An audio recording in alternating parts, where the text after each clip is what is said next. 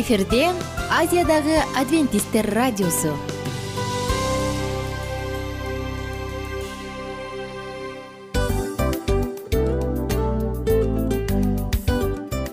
Салам достор. Ден соолук өмүр булагы. Жана биздин биринчи байлыгыбыз демекчи саламат саамы рубрикасына кош келдиңиздер. Бир да кишинин ооругусу келбегени айтпаса да түшүнүктүү анткени ооруганда жаныбыз кыйналганы аз келгенсип көп көйгөйлөр жаралышы да ыктымал. Андан тышкары жумушка же мектепке бара албай же үй бүлөбүзгө кам көрө албай калабыз. Ал эле эмес башка бирөөнүн бизге кам көрүшүнө муктаж болуп калышыбыз ыктымал. Ошон үчүн дарыланууга караганда алдын алуу жакшы эмеспи. Биздин рубрикада биз ар кандай фактылар менен маалыматтар менен кеңештер менен бөлүшүп чын жүрөктөн сиздердин ден соолугуңуздарды каалайбыз. Ошон үчүн биздин рубрикага кош келдиңиздер. Жана даярданып туруңуздар анткени кийинки мүнөттөрдө кызыктуу фактыларга ээ болосуздар. Ошон үчүн достор эң биринчи байлыгыбызды колубузга алдык да алдыга жөнөдүк. Биз менен болуңуздар саламат саама ден соолуктун жарчысы. Саламат саама ден соолуктун ачкычы. Күн сайын сиз үчүн мыкты кеңештер сонун жаңылыктар кызыктуу фактылар биздин рубрикада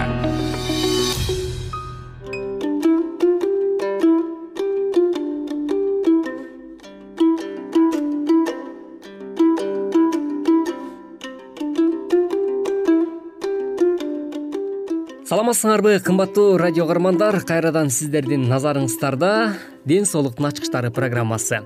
Бүгүнкү программабызда биз өзгөчө тема туурасында сүйлөшмөкчүбүз. Эртең менен таңкы маанайда турганда эле сиздин көңүлүңүздү көтөрөт деп э, ишенген бул э, кофеин башкача айтканда кофе туурасында биз сүйлөшмөкчүбүз. Э, андыктан бүгүнкү программабыздын темасы кофеин деп аталмакчы түндүк американын калкынын токсон пайызы жана россиянын жана снг өлкөлөрүнүн калкынын эң көбү күн сайын психотроптуу мээге таасир этүүчү дарыларды колдонушат. Кайсылар деп суроо берсеңиз анда биз кадимки кол алдыбызда турган кофени айтмакпыз. Сиз бир күндө кур дегенде бир чөйчөк кофе ичпеген канча адамды билесиз же чайды же баш оорунун тиш оорунун дарысын ичпеген адамдардын канчасын билесиз? Пепси жана кока кола ичпеген адам барбы? Бул суусундуктардын кофеини жок диеталык варианттары бар. Аларды балдар жана карылар ичишет. Азыркы турмуш стресстерге түйшүктөргө психологиялык проблемаларга жык толгон.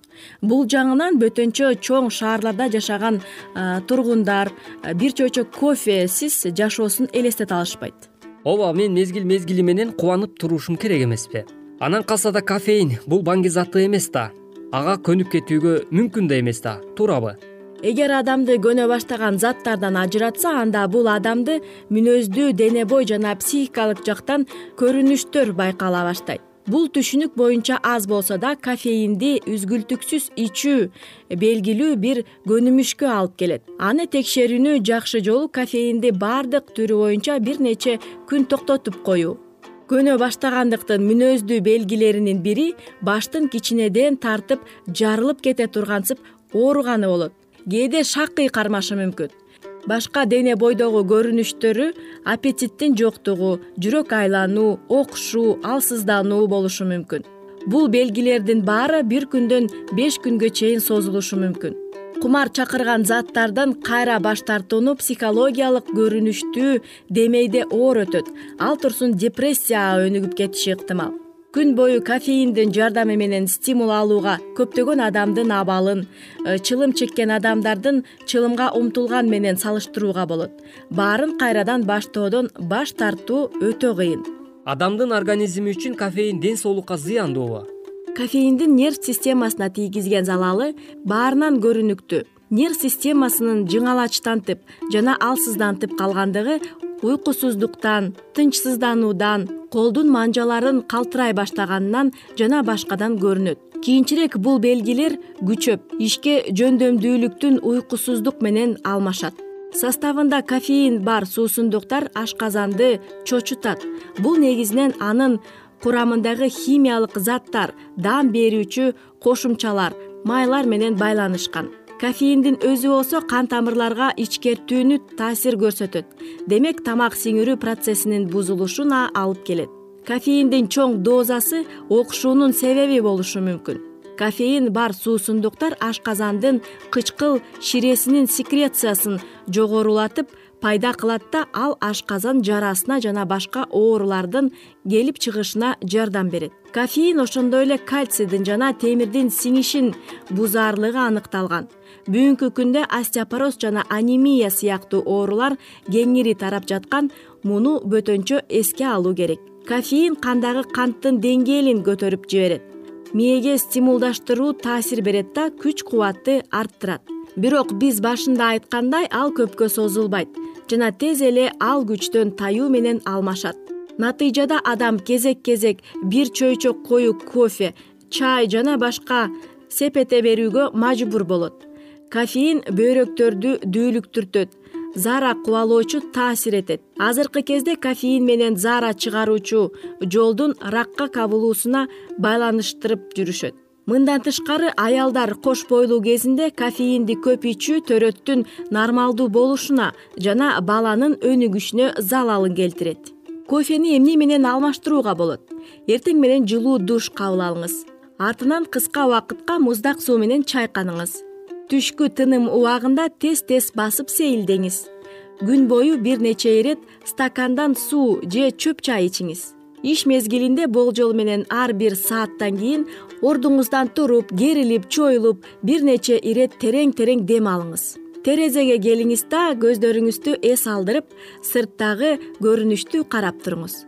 Иш ордуңузду тартипке келтириңиз мына ушул жөнөкөй ыкмалар өзүңүздү жакшы сезүүгө жардам берет. Өзүңүздү чыйралтуучу бирок артынан алсыздандыртып көңүл чөгүүчү ыкмаларды издеңиз.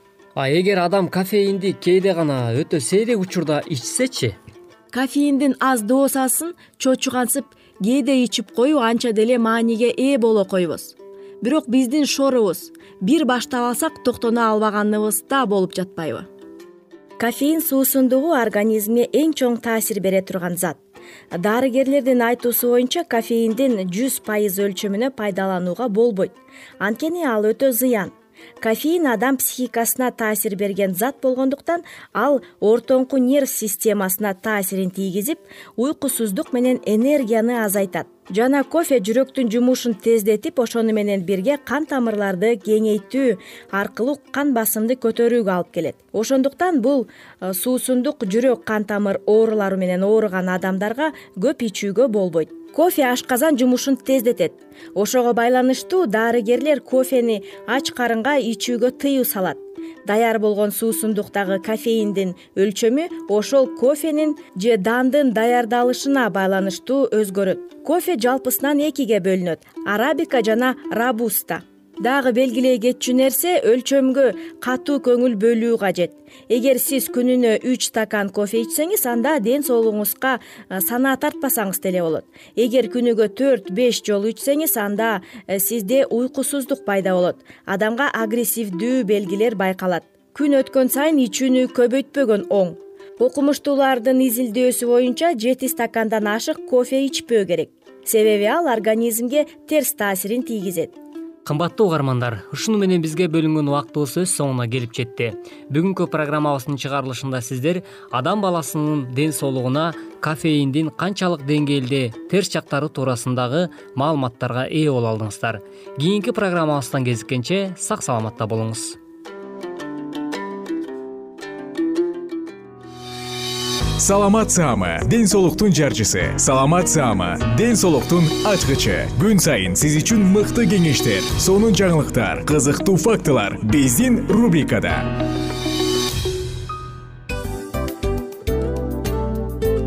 Салам достор.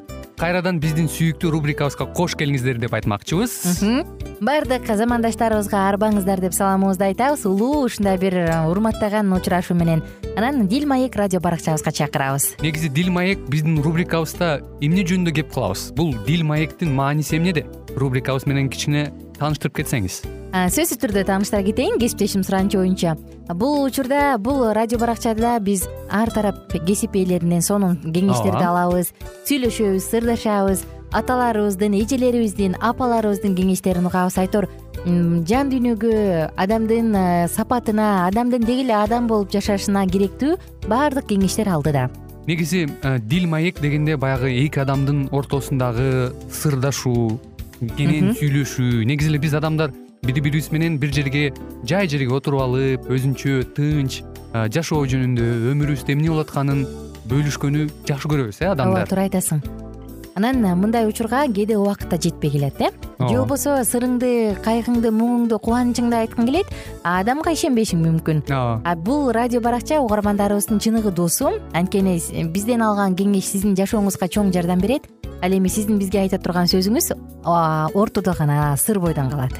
Ошондуктан биздин дил маек рубрикабызга дагы бир жолу кош келиңиздер жана биз даярдаган маалыматтарга даяр болуңуздар. Айнура жана милан сиздер менен бирге алдыга кеттик. Ар түрдүү ардактуу кесип ээлеринен алтын сөздөр жүрөк ачышкан сыр чачышкан сонун маек дил маек рубрикасында.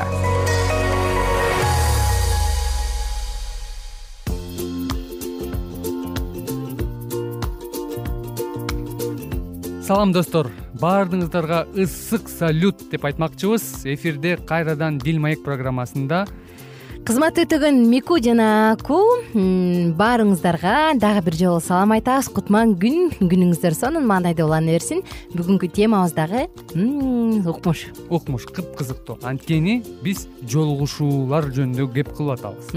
Ким гана жолугушууга барган эмес.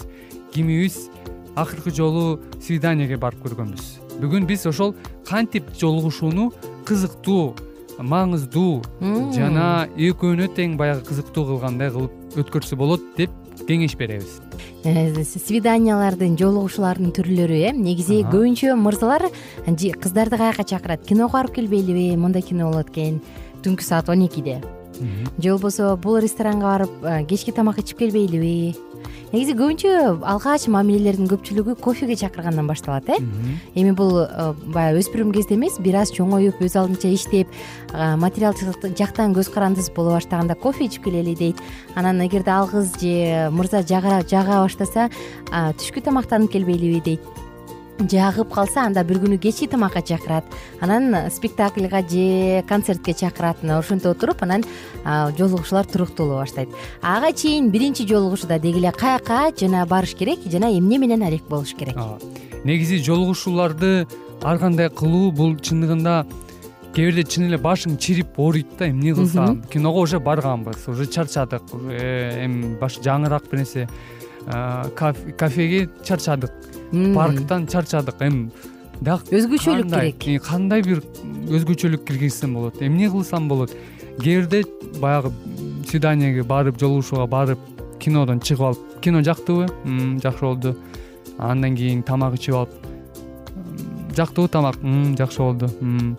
Деп анан үйүнө чейин жеткиргенден кийин рахмат э жакшы болду бүгүн жакшы болду деп экөө тең кетет. Бирок эркеги дагы кызы дагы өз башында нааразы болуп нааразы экинчи мындай свиданияга барбайм. Эмне болгон жиндидей свидание деп калышат. Ошон үчүн ошондой катаны кетирбеш үчүн аку менен мику сиздерге бүгүн кеңеш берет. Вау кеттик анда кантип кызыктуу кылыш керек? Кандай? Чындыгында сен айтып өткөндөй жолугушуу ар бир адам башынан өтөт э? Өзгөчө өтө тартынчаак же фантазиясы азыраак болуп калса же каражаты уруксат бербей калса анда айла жок.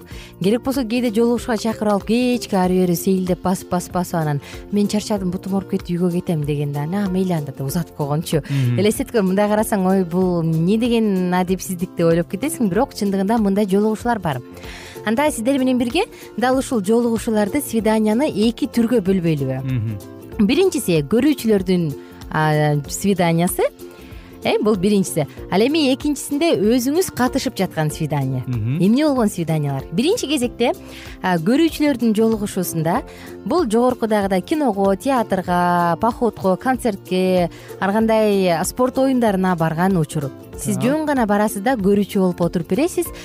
Дым чыгарбай көрөсүз көрөсүз баарын каткырчу жерден каткырып ыйлачу жерден ыйлап алып анан тыпырайып үйгө келесиз. Бул биринчиси ал эми экинчиси бул катышуучулар бул жерде силер Э, силер үчүн көңүл көтөрбөйт башка бирөө. Силер өзүңөр экөөңөр чогуу активдүү түрдө аракет кылып көңүл көтөрөсүңөр бири бириңерге албетте бул оорураак. Оорураак эгер тагыраак айта турган болсок эки тарап биригип бир нерсени жасайт. Ойношот чогуу чогуу бир нерсе жасашат чогуу көңүл ачышат дагы. Анан биринчи свиданиядагы баары кандай мындай чыңалуулардын баары тең жазылат дагы экөө бири бирине жакындайт негизи э, психологдор бүгүн айтат жаңы ушул өспүрүмдөр жаштар дейт алар өзү жалкоо болуп калышкан дейт анткени аларга баягы өзүнүн өзүнүн аракети менен баягы ушундай кызыктуу жолугушууларды уюштургандан качышып тескерисинче андан көрүп мен акчаны берип туруп эле кино көргөнүм оң барып эле ресторанга акча төлөп эле тамак жеп алганым оң деп иши кылса көбүнчө жаштар дейт бүгүнкү күндө жаштар. Алар катышуучулар эмес тескерисинче көрүүчүлөр дейт. Туура айта кеттиң чындыгында бул нерсе көп. Бул болбосо башкасы мейли мындай эле кылып коеюнчу антип коеюнчу деп баягы сүйүү сезими ойгонгочокто э? Көп аракет кылгысы келбейт. А менимче адам качан сүйүп ашык болуп калганда сүйүп деген өтө ашыра болуп кетет эми ашык болуп жактырып калганда ал болгон аракетин жумшайт. Экинчи кезектеги катышуучулар болгон свиданияда бул берки свиданияга караганда жолугушууга караганда бир топ акча каражатын көбүрөөк талап кылат анан чыгармачылыкты да көбүрөөк талап кылат. Анткени каяка барабыз эмне кылабыз кандай убакыт өткөрөбүз мунун баардыгын тең чыгармачылык бир аракеттерди жумшап анан ойлонуштуруш керек. Ой буга чоң чоң керек ошол себептен ошол себептен азыр биз ака экөөбүз сиздерге бир нече идеяларды беребиз. Ошон үчүн калем сап жана кагазыңарды алып балким жазып алсаңар деле болот эми даярсыңарбы келгиле свиданияны же жолугушууну активдүү экөөңөр катыша ала тургандай кылып кандай кызыктуу өткөрө алабыз? Идеялар менен бөлүшөлү. Биринчиси биринчиси кайсы бир оюн ойносоңуз болот? Мини гольф болобу боулинг болобу теннис болобу. тенниспи э? Дал ушундай оюндарга чогуу ойноңуз экөөңөр бирге лыжага баруу. Тоого барып лыжа тепкиле сноуборд тепкиле эми албетте бул кышында болот. А эгерде кыш эмес жай болсо тоого чыккыла. Тоолорубуз сонун шаардын жанында кыргызстандын любой аймагында тоолор бар. Барып чыгып келгиле. Балким кайыкка түшүп келет жай мезгилинде э? Атайын калы кайыкты алып алып ижарага ары бери сүзүп бир тим эле сонун сүйлөшүп ага атайын убакыт бөлүп келер о бул да жакшы бир китеп алып чогуу окугула. Анан ал жерде окугандарды талкуулагыла. Же болбосо жөн гана түшкү тамакты чогуу жасагыла э? Келгиле мындай мындай тамак жасайбыз деп. Же атайын музейлерге галереяларга зоопарктарга чогуу барып келгиле же болбосо эски үй бүлөлүк сүрөттөрдү алып чогуу бир жерге отуруп алып көрүп элестетип жакшы э, өзүңөрдүн үй бүлөңөр жөнүндө айтып бергиле мындай жолугушуунун түрү адамдын өзүнүн маанилүүлүгүн дагы сезгенге жардам берет экен элестет. Андан сырткары ыкмалар жөндөмдөр өсүп чыгат экен адамда. Анан өзүн кандай экенин сырт жактан баалап адамдын өзүнө карата баа да өсөт экен. Чындыгында карап отурсаң абдан мындай психологиялык жактан да маанилүү. Дагы дагы бир мындай кеңеш. Эки жаш бир бара элек жерге барып бир шаарга барып изилдегиле дейт саякатка чыккыла дейт чогуу үйдө балмуздак жасайсызбы тамак жасайсызбы ошондой кылсаңыз болот. Же машина жууйсуңарбы же болбосо бир жаңы шаарды үйрөнүп келиңиз э таанып бул кандай шаар каягында эмне бар деп бирге саякаттап келсеңиз болот дагы бир жакшы кеңеш. Э, кичинекей балдар интернатын таап же карылар үйүн таап э, бир жумада бир барып ошол жерге аларга жардам берүү менен убакыт өткөрсөңөр абдан жакшы болот. Ооба бул абдан сонун. Мунун баардыгы тең сиздин көп жактан көз карашыңызды өзгөртөт. Экинчи адамды кененирээк таанып билгенге жардам берет. Ооба дагы кандай кеңештер бар?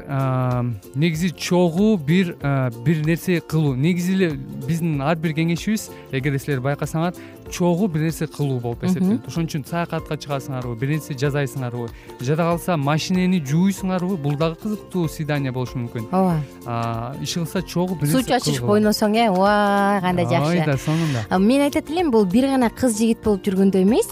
Үй бүлө кургандан кийин деле бул нерселерди чогуу кылган ортодо мамилени бекемдейт деп жакындатат деп э? Эгерде мырза унаасын айдап алып баягы авто унаа жуучу жерден жуудуруп келсе сиз өзүңүз үйдө пылесостосоңуз ар бириңер өзүңөрдүн ишиңер менен алек болуп жүрүп кечинде эле бир маал жолуксаңар анда сүйлөгөнгө сүйлөшкөнгө деле сөз калбай калат. Бири бириңерге убакыт калбай калат. Убакыт да калбай калат. Анан сүйлөшкөнгө жалпы тема да жок болуп калат. Ошондуктан бирге жууп бирге бир жака барып бирге коноктоп бирге конокко барып айтор чогуу көп оокат кылсаңар бул мамилени бекемдейт. Ошон үчүн чогуу убакыт өткөргөн бул албетте кантип туура кантип кызыктуу убакыт өткөргөн бул бир заматта эле пайда болбойт. Э, бир менен бир дегенде эле сразу келе албайт. Буга үйрөнөт экенбиз. Аста аста кичинеден келет экенбиз. Өзүбүздүн чыгармачылыгыбызды пайдаланып ушундай кызыктуу э, жолугушууларды уюштурабыз. Ушундай достор. кызыктуу кеңештер. Ооба бүгүн мику менен акудан сонун кеңеш болду. Биз болсо жалпы биздин жаш досторубузга кааларыбыз көрүүчү болгон жөн гана көрүүчү болгон свиданияларга азыраак барыңыз. Көбүнчө катышуучулар болуңуз дагы. Сүйүктүүңүз менен сүйүктүүңүз менен мамилеңиз бекемделе берсин кызматта мен аку жана кесиптешим мико кайрадан амандашканча. Ар түрдүү ардактуу кесип ээлеринен алтын сөздөр жүрөк ачышкан сыр чачышкан сонун маек дил маек рубрикасында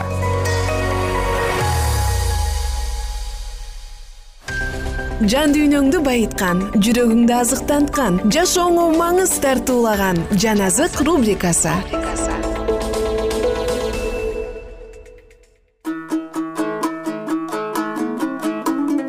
Саламатсыздарбы замандаштар? Сиздер менен улуу күрөш китебин улантабыз. Жаман иштер үчүн өкүм жаза. Ошол эле замат ишке ашырылбайт. Кыңыр иштерге бат эле өкүм боло койбойт. Мына ошондуктан адам баласынын жүрөгү жамандык кылуудан коркпойт. Бирок адилеттүү жана калыс мыйзамдарды бузуу бактысыздыкка жана кыйроого алып келмек. Адамдардын арамза иштери ушул эле замат жазаланбаса дагы алар акырындык менен өлүмдү көздөй багыт алып олтурду.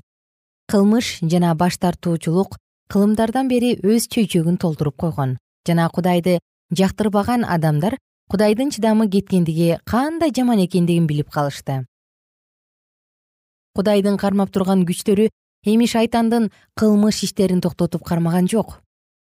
Жана адамдардын кайгысынан кумар алгандын өзү толук эркиндикке ээ болду.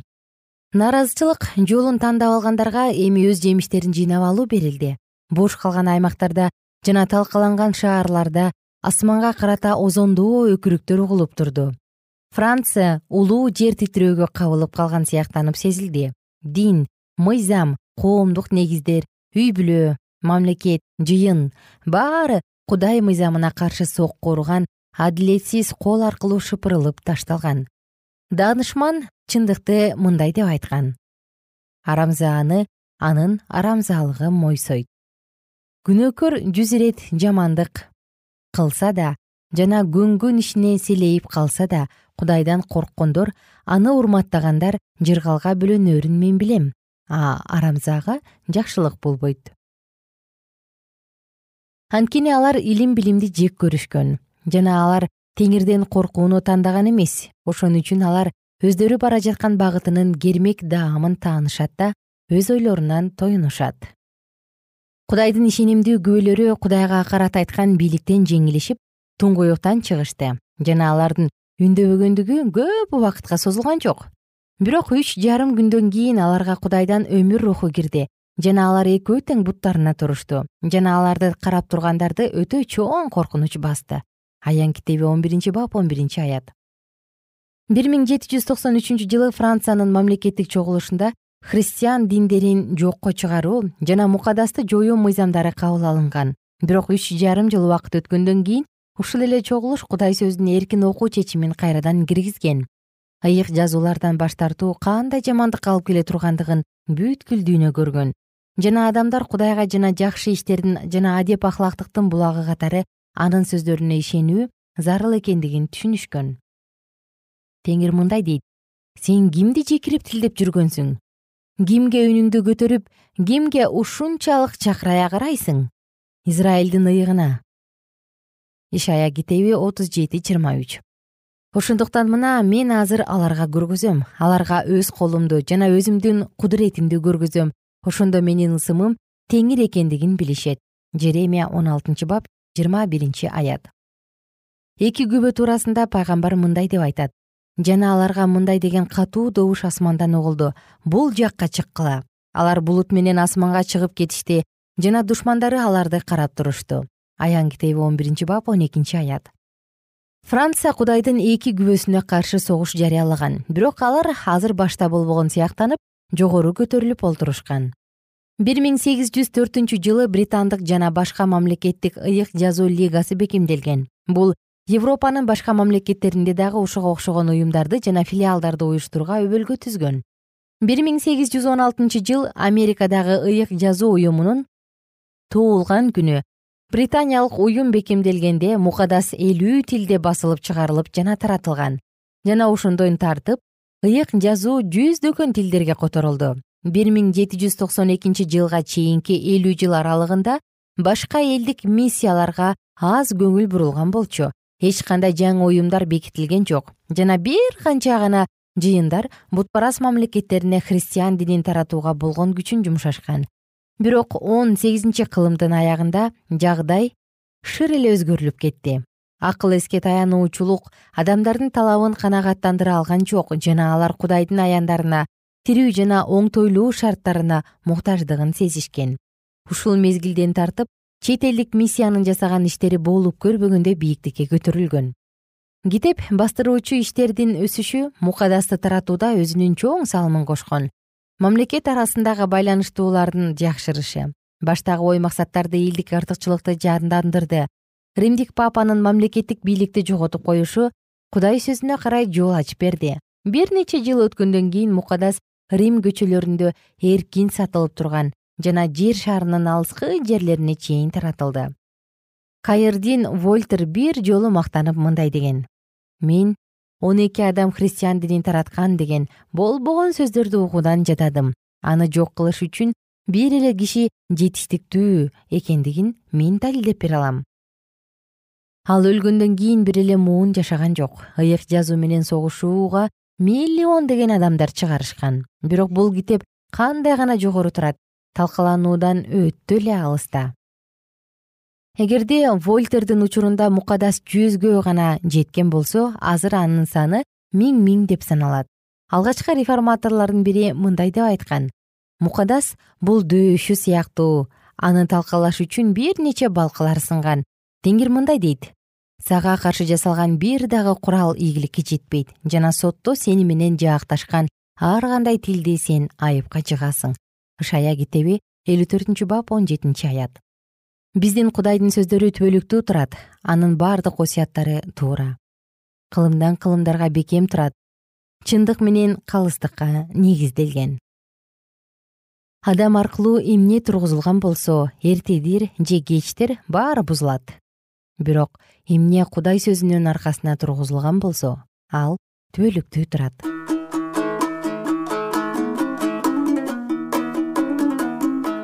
ардактуу айымдар жана мырзалар замандаштар сиздер менен бирге бүгүн улуу күрөш китебинин он бешинчи бөлүмүн аяктадык. Жалпыңыздарга кааларыбыз көңүлдүү күн. Жашооңузда дайыма кудай үчүн өзгөчө орун болсун жана ал биринчи орунда болсун. Кайрадан амандашканча сак саламатта калыңыздар күнүңүздөр көңүлдүү улансын.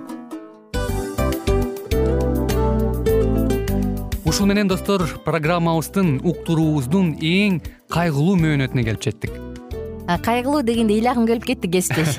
Кадимкидей. Анткени баягы учурашасың анан коштошуу учур келгенде ии кантип ии эми бат баттан келиптир э сагындырбай деп атып араң коштошобуз го.